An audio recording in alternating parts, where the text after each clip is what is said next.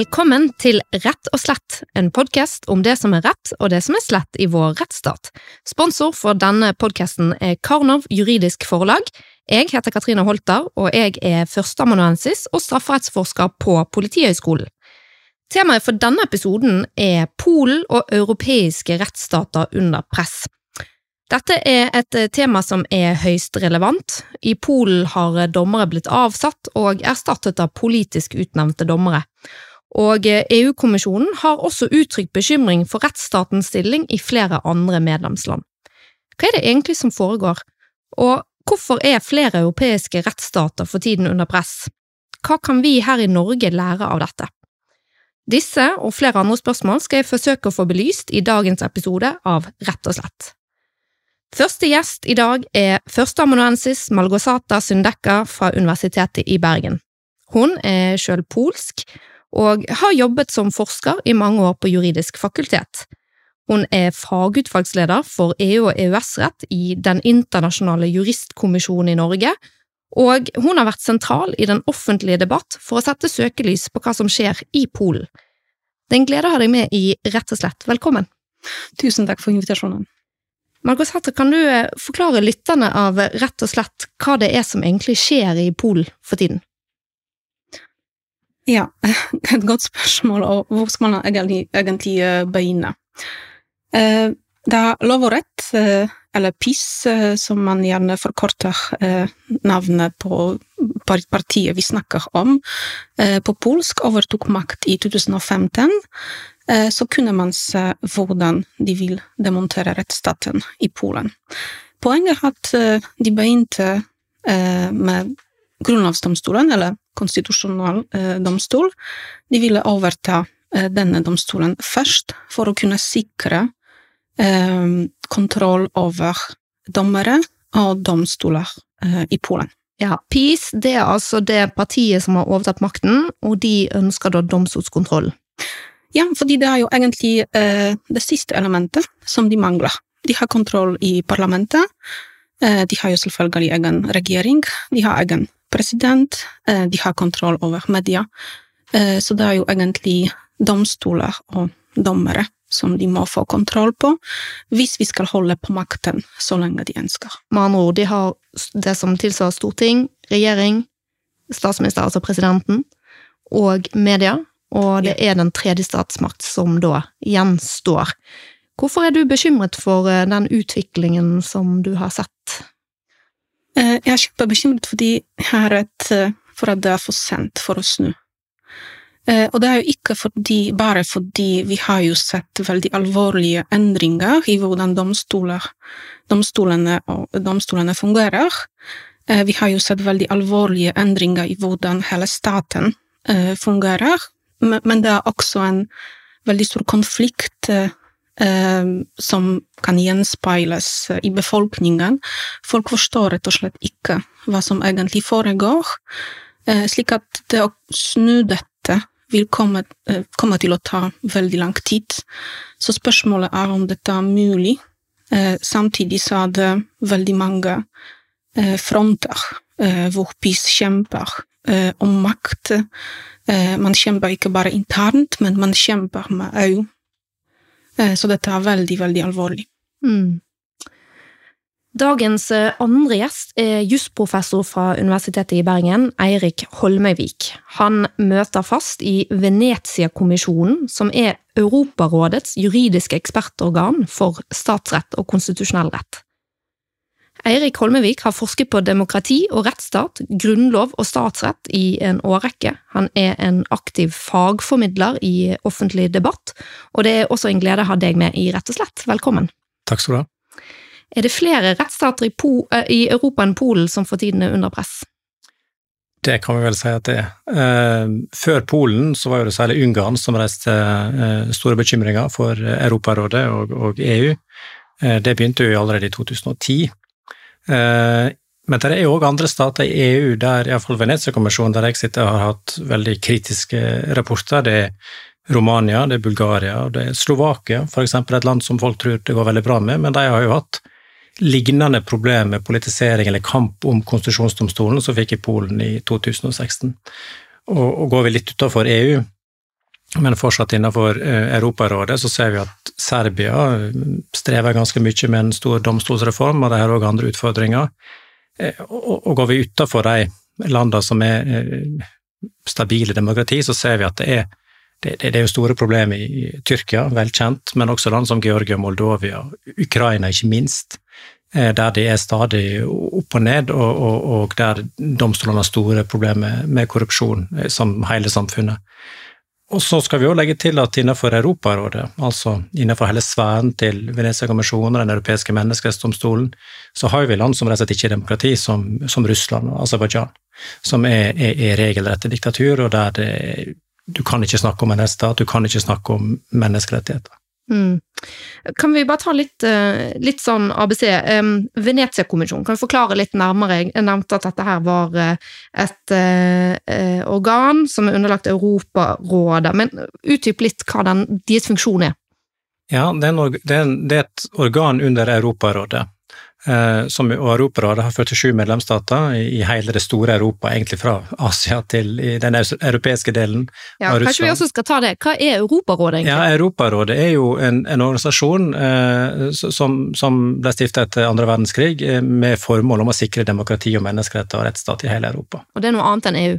Det er definitivt noe annet enn EU. Det, det har som sagt 27, nei, nei, EU har 27 medlemsstater, eh, Europarådet har 47. Mm. I tillegg har Venezia-kommisjonen en rekke medlemsstater utenfor Europa, annet USA, Canada, Brasil, eh, Japan er med, eh, flere land i Nord-Afrika er med. Så det, dette er egentlig et internasjonalt organ av Venezia-kommisjonen, ja. samtidig som det er underlagt Europarådet? Absolutt, og våre standarder som vi, som, altså vi, vi er et rådgivende organ, i motsetning til Den europeiske menneskerettsdomstolen, som kan avsi bindende dommer, rettslig bindende dommer overfor statene som de må oppfylle, så vurderer vi lovgivning, eh, grunn, altså grunnlovsendringer, grunnlovsreformer, men også vanlig lovgivning eh, eh, i, i eh, Venezia-kommisjonens medlemsstater. Og så gir vi rapporter der vi kommer med anbefalinger om, om, hva en kan gjøre, hva en ikke kan gjøre, eh, råd om dette, og vi baserer oss da på delvis Den europeiske menneskerettskonvensjonen, vi baserer oss på folkerett, og vi baserer oss på det vi kan kalle eh, standarder for beste praksis innenfor konstitusjonell rett i Europa, slik den er utvikla eh, de siste 50 åra. Og dere skal da se til at deres medlemmer, altså medlemmene under Venezia-konvensjonen, faktisk bevarer sine rettsstater? Ja, og det, vi, ser på det mer, sånn, vi ser på systemnivået, mens en domstol vil se på individnivå i enkeltsaker. Mens det vi mm. ser på, er om hele det konstitusjonelle systemet henger sammen og oppfyller de kravene som, som, som stiller til et demokrati Eh, med tanke på juridiske ordninger for å sikre demokratiet, eh, rettsstaten, typisk domstolene, men òg andre uavhengige organ som ombuds, eh, men, ombudsmannsordninger, og også ordninger for å sikre menneskerettene. Men vi går ikke inn og vurderer menneskerettene i enkeltsaker, vi ser på systemnivå. Hva tenker Venezia-kommisjonen om, nei, Venezia om det som nå skjer i Polen? Altså, vi, vi var jo første, den første internasjonale organisasjonen som gikk inn i Polen. Eh, det begynte i Polen i slutten av 2015. Og Når du sier gå inn, så mener du fysisk da? Nei, da mener en eh, å gå inn og undersøke forholdene, og, eh, og gjøre en vurdering på om dette er i samsvar med europeiske standarder for, for, for rettsstat. Og det begynte i Polen i, etter parlamentsvalget i 2015. Og lovendringene knyttet til konstitusjonsdomstolen, som Algosata nevnte, kom rett før jul, på nattestid rett før jul eh, i 2015. Vi gjorde en totalvurdering av dette i mars 2016, så vi var ganske kjapt ute. Husk at dette, slike internasjonale organisasjoner bruker lang tid. Mm. Eh, vår dom var jo knusende, mm. eh, og den var veldig skarp. Og det førte til at Polen gikk tilbake på reformene sine. Men de gjorde det som den polske regjeringa gjør. De gikk for det hadde først gått to steg fram. Etter vår kritikk så gikk det ett steg tilbake, og så tok de et steg til side, og så gikk de tre skritt fram igjen. Ved at det kom nye lovendringer som fullstendig ødela for at dette konstitusjonsdomstolen kunne fungere som, som en kontrollinstans overfor regjeringa. Da kom vi med en ny rapport i juni som er enda mer knusende, og den var så, så klar at de polske styresmaktene sa at vi vil ikke delta i Venezia-kommisjonen lenger. Hva er det kritikken går på? Konkret? Helt konkret så gikk det med at på det tidspunktet i, i, begynnelsen av 2016 så hadde ikke regjeringa eh, flertall av dommerne i konstitusjonsdomstolen. De hadde utnevnt tre dommere, og i tillegg to ulovlig utnevnte dommere. Konstitusjonsdomstol det er altså en slags grunnlovsdomstol? Det er en grunnlovsdomstol som i et land som Polen, dette er litt ukjent for oss i Norge, men et land som Polen, der har du på en måte ett organ som står over andre statsorganer, og det er grunnlovsdomstolen. Mm. Den står over parlamentet, den står over presidenten, og den grunnlovsdomstolen er én oppgave, og det er å håndheve grunnlover som inneholder reglene som styrer det andre statsorganet. Mm. Og sånn er jo det da ikke i Norge, sant? Nei, sånn har ikke vi. Vi har en vanlig høyesterett, som også kan håndheve grunnlover, men som i praksis er mye mer forsiktig. Mm, og da sier det seg sjøl at det å få kontroll over konstitusjonsdomstol i Polen, det er ganske viktig hvis man ønsker å undergrave en rettsstat. altså disse uh, institusjonene er uhyre sensitive. Det er i større grad akseptert at du tar politiske hensyn når du utnevner dommere i sånne organ, og de får ikke sitte så lenge. De sitter ikke på livstid i en konstitusjonsdomstol. Det betyr at det som skjedde i Polen, var at den polske regjeringa visste at de hadde tida på sin side. Så det handler for den polske regjeringa om å, å, å, å, hindre at konsesjonsdomstolen var aktiv i omtrent et halvt år framover. For da visste de at det var såpass mange dommere som gikk av for, alle, for, eh, for eh, åremålet, at de ville kunne utnevne sine egne dommere for flertall. Så det gjaldt det i, i, i begynnelsen av 2016 å innføre i lova eh, sånn treneringsmekanisme, og det gjorde de. Slik at de tre utnevnte, regjeringsutnevnte dommerne kunne trenere all virksomhet i domstolene. Det, trenere som i De kunne hindre at saker ble løfta opp i plenum, de kunne kreve at saker ble, ut, eh, ble, ble, ble satt på vent, osv. Så, videre. mm.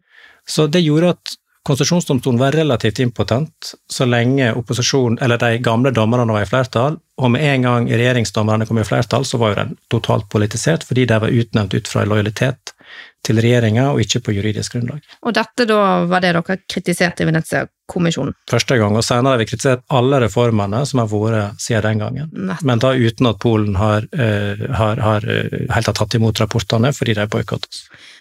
Margot Sætre, hvordan har dette blitt mottatt i Polen, at eh, Venezia-kommisjonen kom inn på denne måten, og senere også EU har engasjert seg i denne saken?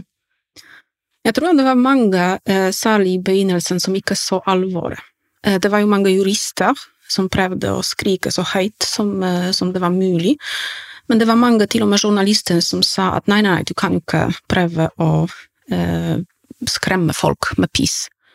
Eh, nå må vi la være, og så må vi vente hva de kommer på. Og de kom på nye ting ganske fort.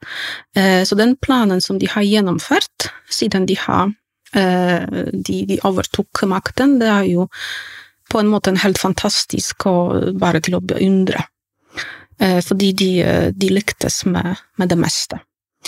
Eh, men som jeg sa, så var det selvfølgelig veldig mange som sa at dette var jo veldig alvorlig.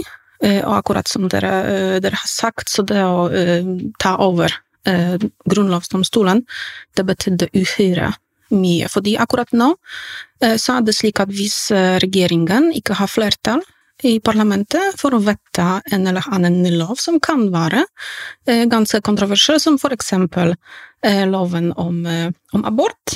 Da kan man stille et, et spørsmål til Grunnlovsdomstolen, og så forvente et svar som passer det som regjeringen har tenkt å oppnå, fordi man kan jo selvfølgelig avgjøre at eh, denne loven er i strid med grunnlovsdomstolen på en eller annen måte, og det handler ikke om å ha en god begrunnelse, eh, fordi det som grunnlovsdomstolen har sagt, det kommer til å gjelde. Og det er også en del av problemet, fordi det kommer til å bli veldig vanskelig å snu på det som, eh, som ble gjort akkurat nå. Mm.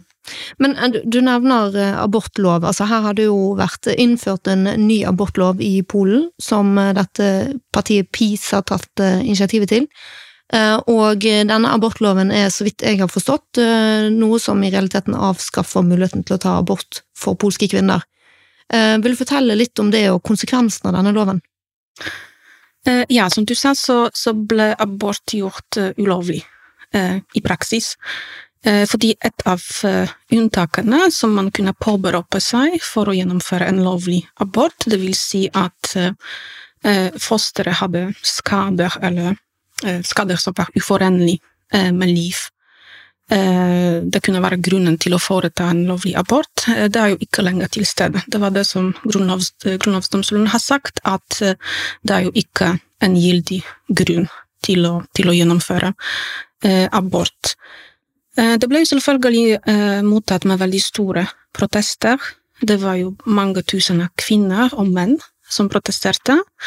Det hjalp selvfølgelig ikke. Ja, kirken, da? Altså, for Polen er jo et katolsk land i hovedsak, ikke det?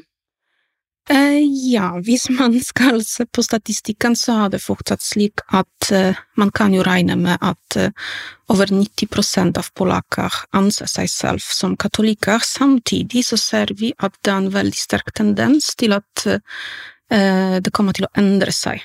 Mm. Det er jo flere og flere unge som sier at de ikke vil ha noe å gjøre med kirken. Um, nylig hadde kommet en undersøkelse som viste at bare 2% av polakker anser biskoper for å være de som er uh, på en måte et sånt eksempel på å være mm. moralsk. Mm. Så det viser også en ganske Ganske, ganske, store endringer. Nettopp. Og denne abortloven, altså hvor langt er det den går? Altså er det, er det totalforbud mot å ta abort, eller hvordan er det utformet? Hvordan fungerer det? Ja, nå har vi bare uh, et unntak om at uh, hvis, uh, hvis, graviditeten er et resultat av noe ulovlig, her snakker vi om voldtekt og incest, så kan det være en gyldig grunn til å gjennomføre abort, også hvis det er fare for morens liv eller helse. Problemet er at disse to de regnes som bare kun noen få prosent Eh, som, som, kan, eh, som kan skje i praksis. Eh, samtidig så er det fortsatt veldig vanskelig å gjennomføre abort på et polsk sykehus, fordi det er jo flere leger som, som sier nei. Det er jo flere sykehus som er redde for medieomtale, for de som påstår at de, de er pro-life, og så videre. Eh, så de nekter. Også selvfølgelig hvis det går såpass lang tid at det ikke, ikke lenger er mulig å gjennomføre lovlig abort, så, så, så, har man ikke denne muligheten mm. uh, i det hele tatt. Så, så, så, i praksis så har det blitt utrolig vanskelig å gjennomføre lovlig abort uh, i Polen. Nettopp. Nettopp. Og, og, hvordan er det med kvinner som får fostre som har skader og Får de ta abort, eller er det Eh, ja, det er jo enkelte som fortsatt eh, tror på at eh, det er mulig i Polen. Enkelte får veldig alvorlige mentale forstyrrelser. De, de, de, prøver å ta sitt eget liv, og det er det alvor, og det er jo fare for mors liv og helse. Problemet er at vi har jo flere sykehus som nekter at dette tilfellet. Det som de påberoper seg, er en juridisk analyse fra en kjempekonservativ organisasjon, Ordo Juris, som er finansiert av blant annet Kremlin eh, og andre kjempekonservative krefter i, i, hele verden. Og det er de som prøver å belære leger hvordan man skal tolke situasjoner hvor det oppstår fare for uh, mors liv uh, eller, uh, eller, helse. Så det var jo flere og flere tilfeller hvor kvinneorganisasjoner eh, måtte hjelpe eh, slike kvinner som, som, ja, som, havnet i en sånn situasjon, og da de, eh, da de skaffet juridisk hjelp, eh, så ble det mulig å gjennomføre abort. Samtidig så har vi eh, heldigvis mange organisasjoner som prøver å hjelpe eh, polske kvinner ved å sende dem til mm. utlandet, til Storbritannia, til Tsjekkia, til Tyskland. Eh, hvor de kan gjennomføre abort eh, på en trygg mm. måte. Ja, jeg har forstått det også sånn at eh, det i praksis er sånn at kvinner blir presset til å føde barn som, som er som ikke er levedyktige.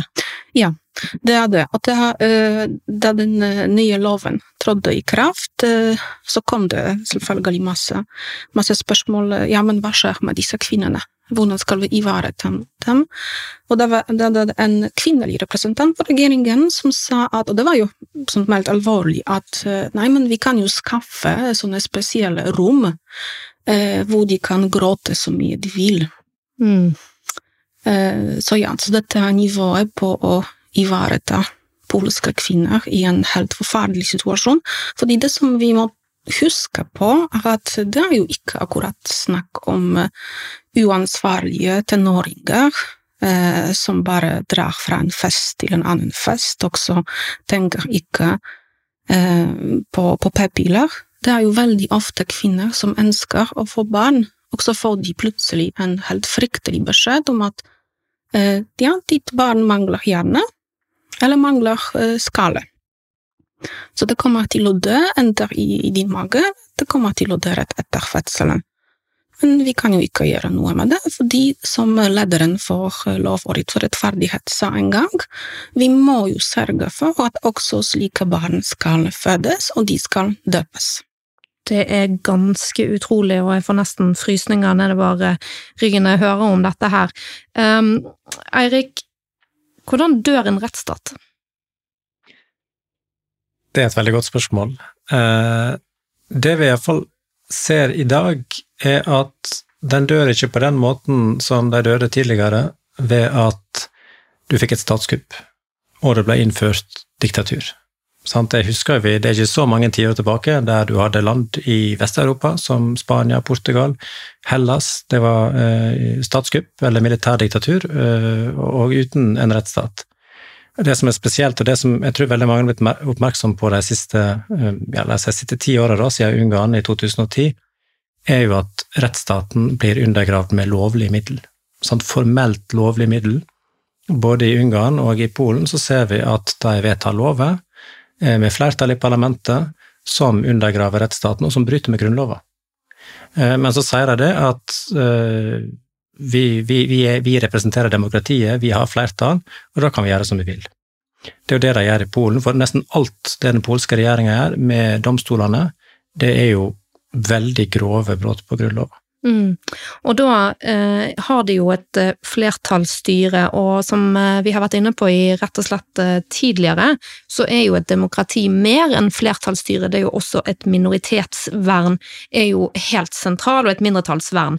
Eh, og i Polen så er jo det sånn nå at minoriteter er også under press og, og, opplever å få sine rettigheter krenket. Hva er det som skjer her, Margot Sætre?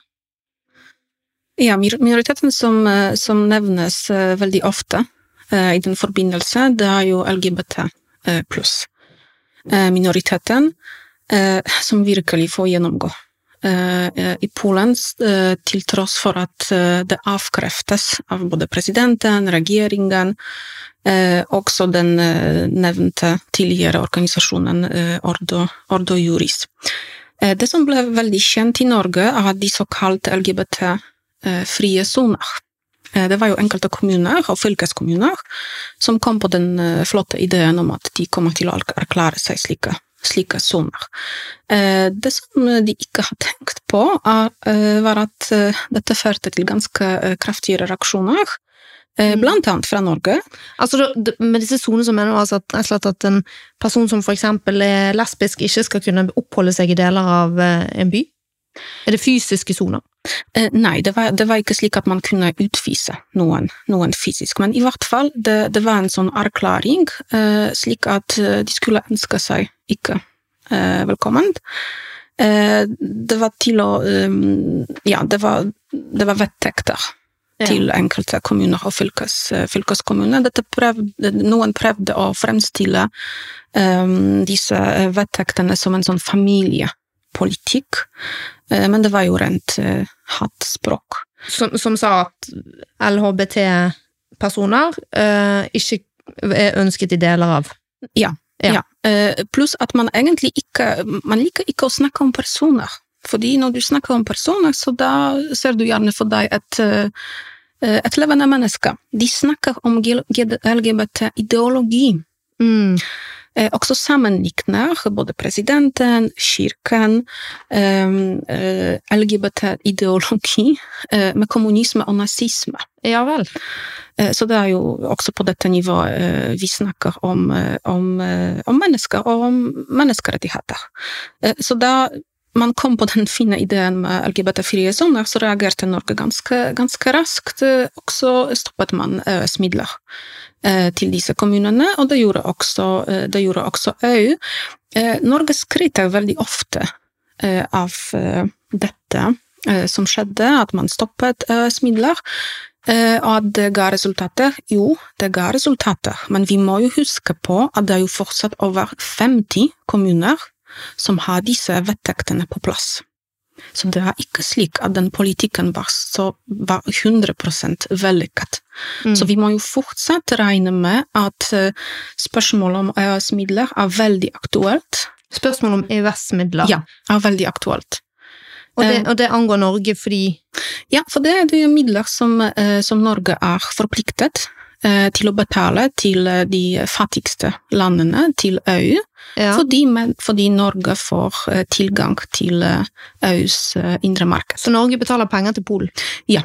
Og Polen er den største uh, mottakeren av EØS-midler, og det var jo blant annet ICJ Norge som tok ordet for at man skal stoppe disse overføringene, bortsett fra de midlene som går til sivilsamfunnet. Fordi i praksis så er det slik at man risikerer at man, at man rett og slett støtter regimet. Og som jeg nevnte innledningsvis, er du fagutvalgsleder i ICE Norge, altså Den internasjonale juristkommisjonen. Kan du si noe om hvilken funksjon dette organet har? Ja, ICE er den første internasjonale frivillige organisasjonen som, som har som oppgave å beskytte og fremme rettsstaten og menneskerettigheter. ICJ har sekretariat i Genéve, ble stiftet i 1952, og den norske avdelingen den ble jo stiftet i 2008, og selvfølgelig eh, gjør akkurat det som ICJ eh, har, tenkt, har tenkt å gjøre. og det som er veldig viktig å påpeke, at ICJ er en helt uavhengig organisasjon som ikke bidrar som ikke mottar statlige bidrag. Alle som, som, som er medlemmer, som jobber for ICJ, de representerer ICJ og ikke de statene de kommer fra. Mm. Nettopp. Eirik Holmevik, disse, det ble jo nevnt flere stater i Europa som er truet. Hva er det som altså kan, kan, vi forstå trussel eller press mot disse statene i lys av noen større strømninger, eller er det isolerte problemer rundt om? Det er nok begge deler. Altså, noen stater har jo sine særegne problemer etter det store, store landet Ukraina, som, som har eh, en sammenhengende historie siden 1990 med, med massiv korrupsjon. Uh, og som går igjen uh, i, i, mye av det vi gjør i, i Ukraina. Jeg kan jo bare nevne at i 2010 så erklærte den, den ukrainske konstitusjonsdomstolen store deler av, den, av antikorrupsjonslovgivninga for grunnlovsstridig. Eh, fordi antikorrupsjonsorganet begynte å se på dommerne sjøl, eh, som da muligens var korrupte.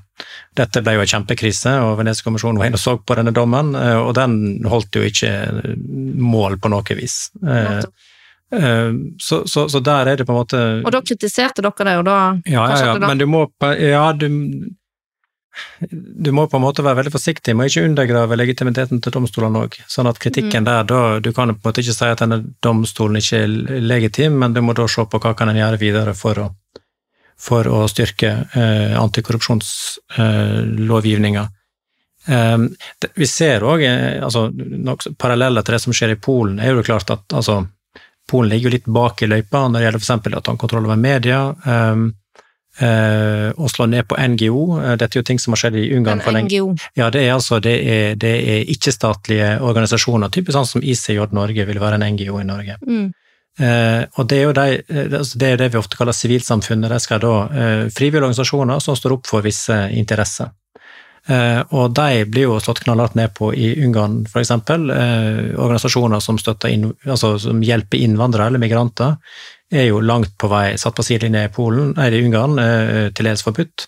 Eh, så, så, den type eh, sivilsamfunnsorganisasjoner ser vi under press i, i, veldig mange land. I tillegg da, naturligvis til, til domstolene i de statene jeg nevnte. Og det som er litt bekymringsverdig her, er jo at altså, vi forventer på en måte mindre av en stat som Tyrkia.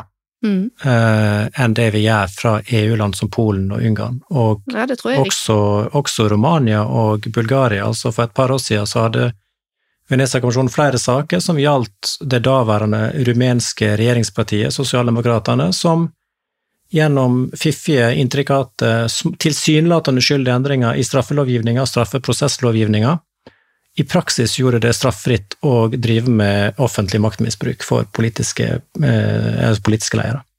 Hm. Eh, og dette skjer altså midt i EU. Og det er det som er så alvorlig, og det er det som gjør at, eh, at altså, alarmklokkene burde gått for lenge siden. Men altså, et land som Ungarn er jo på en måte ille nok, eh, men Ungarn er et ganske lite land. Mm. Eh, Så får du plutselig Romania og Bulgaria inn i EU. Romania er et mye større land. Eh, De venter en kanskje litt mindre av, for det er allerede problem da de kom inn i EU. Men Polen, som er et av de aller største landene i EU, og som har enormt stor makt i EU, sant, i kraft av folketallet Når Polen sklir, da må jo alle varsellampene lyse, ikke bare i Europarådet, men særlig i EU. Mm. Fordi eh, det mange kanskje glemmer, vi tenker at når, når, sant, når folk leser i, i avisene, det, det er ikke skrevet fryktelig mye om, om det som skjer i Polen, eh, til tross for, altså ut fra alvoret.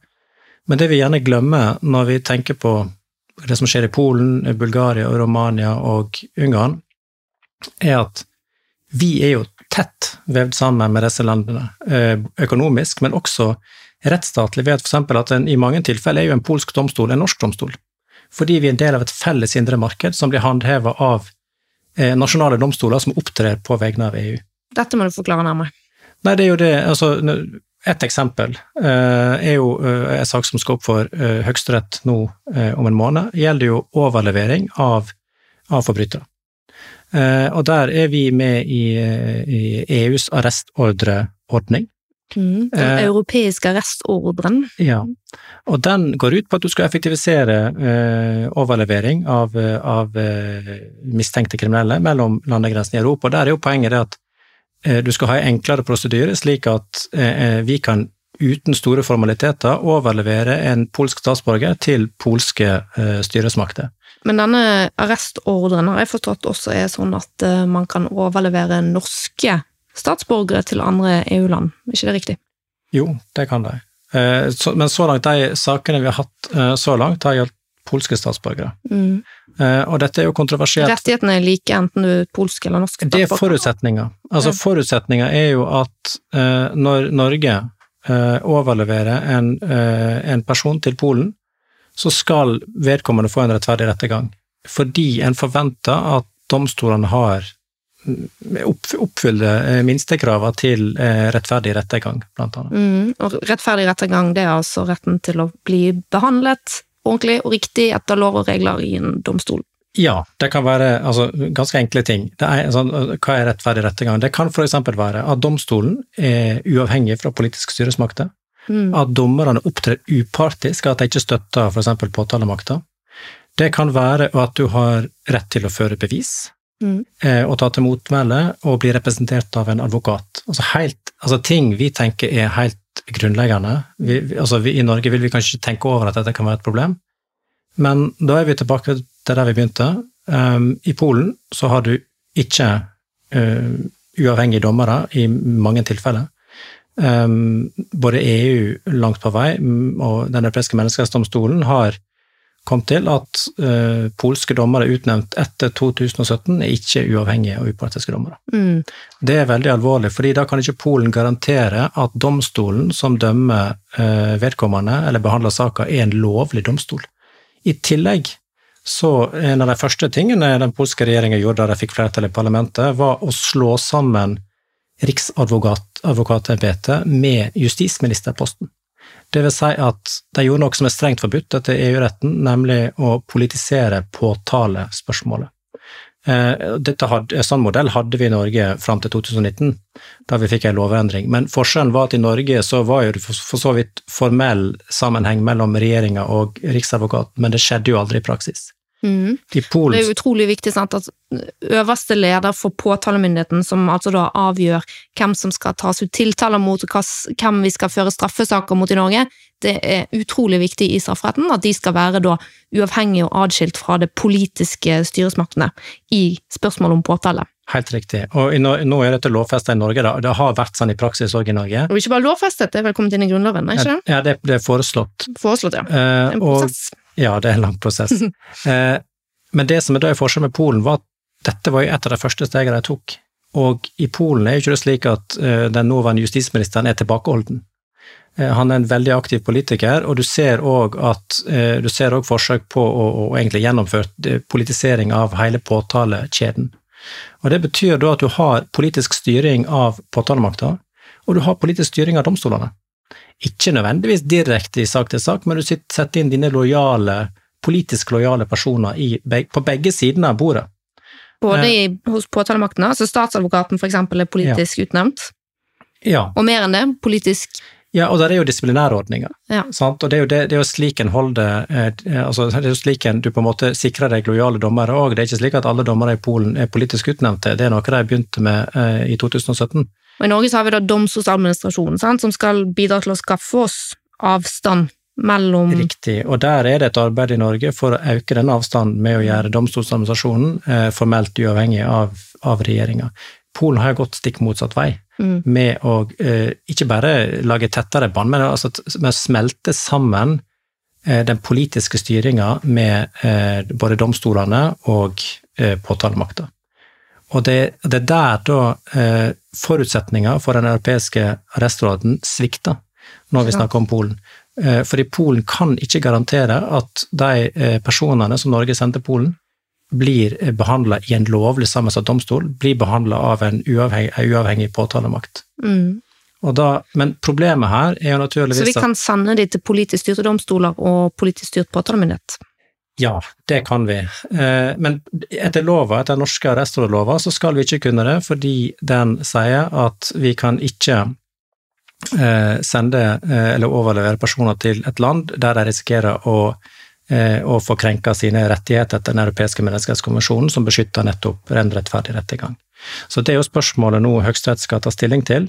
Det De hadde to saker i 2020 oppe der de godtok overlevering, og dette er jo snakk om personer som er, er, er sikta for eh, mer sånn alminnelig brotsverk uten en nødvendigvis en veldig politisk karakter. Det kan være eh, ran, det kan være tyveri, og i dette tilfellet skal oppnå, så er det vel narkotikabrotsverk. Eh, sånn at det, og der reglene innenfor, som, som EU-domstolen har slått fast eh, når det gjelder overlevering, er at eh, dersom du ikke eh, kan forvente politisk behandling eller krenking av, av, av rettighetene i enkelttilfeller, dersom brotsverket er helt vanlig uten politisk overtone, ja, så da kan du overlevere. Nettopp. Men problemet for, med Polen er at når hele systemet er rigga på den måten som det er gjort nå, så kan du ikke garantere at personen vil få en rettferdig rettergang. Det kan hende ved- vedkommende vil få det, men det kan du òg tenke deg i Kina eller i Russland. Mm. Eh, mens Polen har ingen flere garantier for rettferdig rettergang i dag enn du har f.eks. i Russland. Så, Mm. så det er det som er problemet, at en person slik, eh, slik det har vært, da, eh, og slik det, ut fra den, vurder, den vurderingsnorma Høyesterett la til grunn i 2020, så vil du overlevere alle til Polen, med mindre det er snakk om en politisk aktivist. Mm. Eh, men, men det jeg og veldig mange med meg mener nå at det er ikke godt nok. Eh, Når du har systemsvikten er så total som i Polen, så må vi sette ned foten for alle overleveringer til Mm. Polen. Fordi de kan ikke gi garantier for at de europeiske menneskerettighetene blir overholdt. Stemmer dette til din oppfatning, Margot? Ja, dessverre, det, det stemmer. Samtidig så må vi si at uh, vi har jo over 10 000 eh, dommere i Polen, og de aller, aller fleste de kjemper mot, uh, mot regimet. De er utrolig modige folk som risikerer veldig mye. De er utsatt for, eh, eh, for disiplinære tiltak. De blir jo suspendert så snart de viser til praksis fra EU-domstoler eller fra, fra eh, praksis fra Strasbourg. Eh, de eh, lønna blir eh, kuttet eh, med en gang.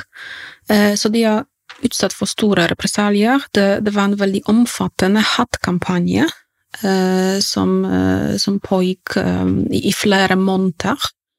Eh, det er vanskelig å forestille seg slike ting når man bor i Norge, fordi de, de aller fleste tingene som skjer i Polen, det som skjer med eh, domstolssystemet, det er helt utenkelig.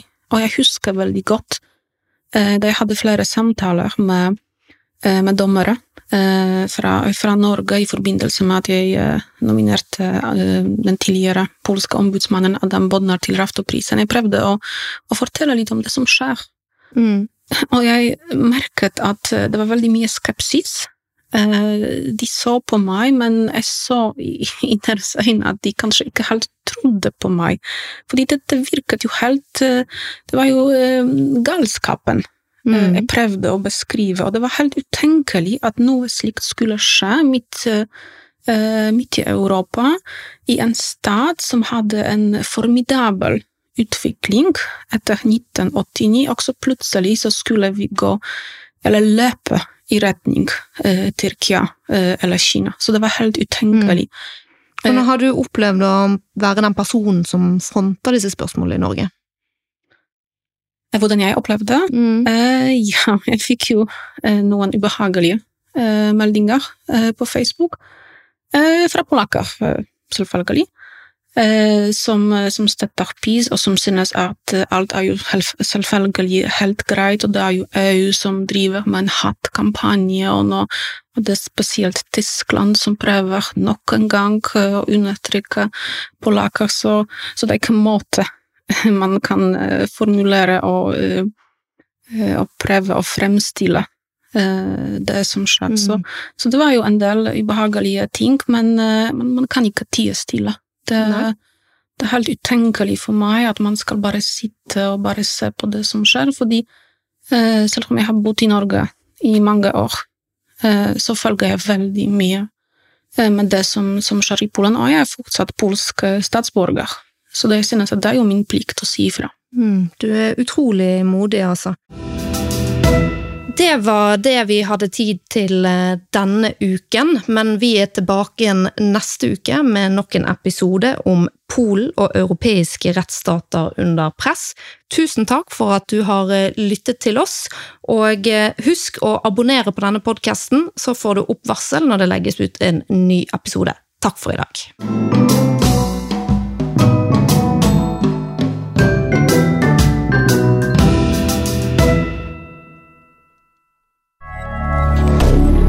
moderne media.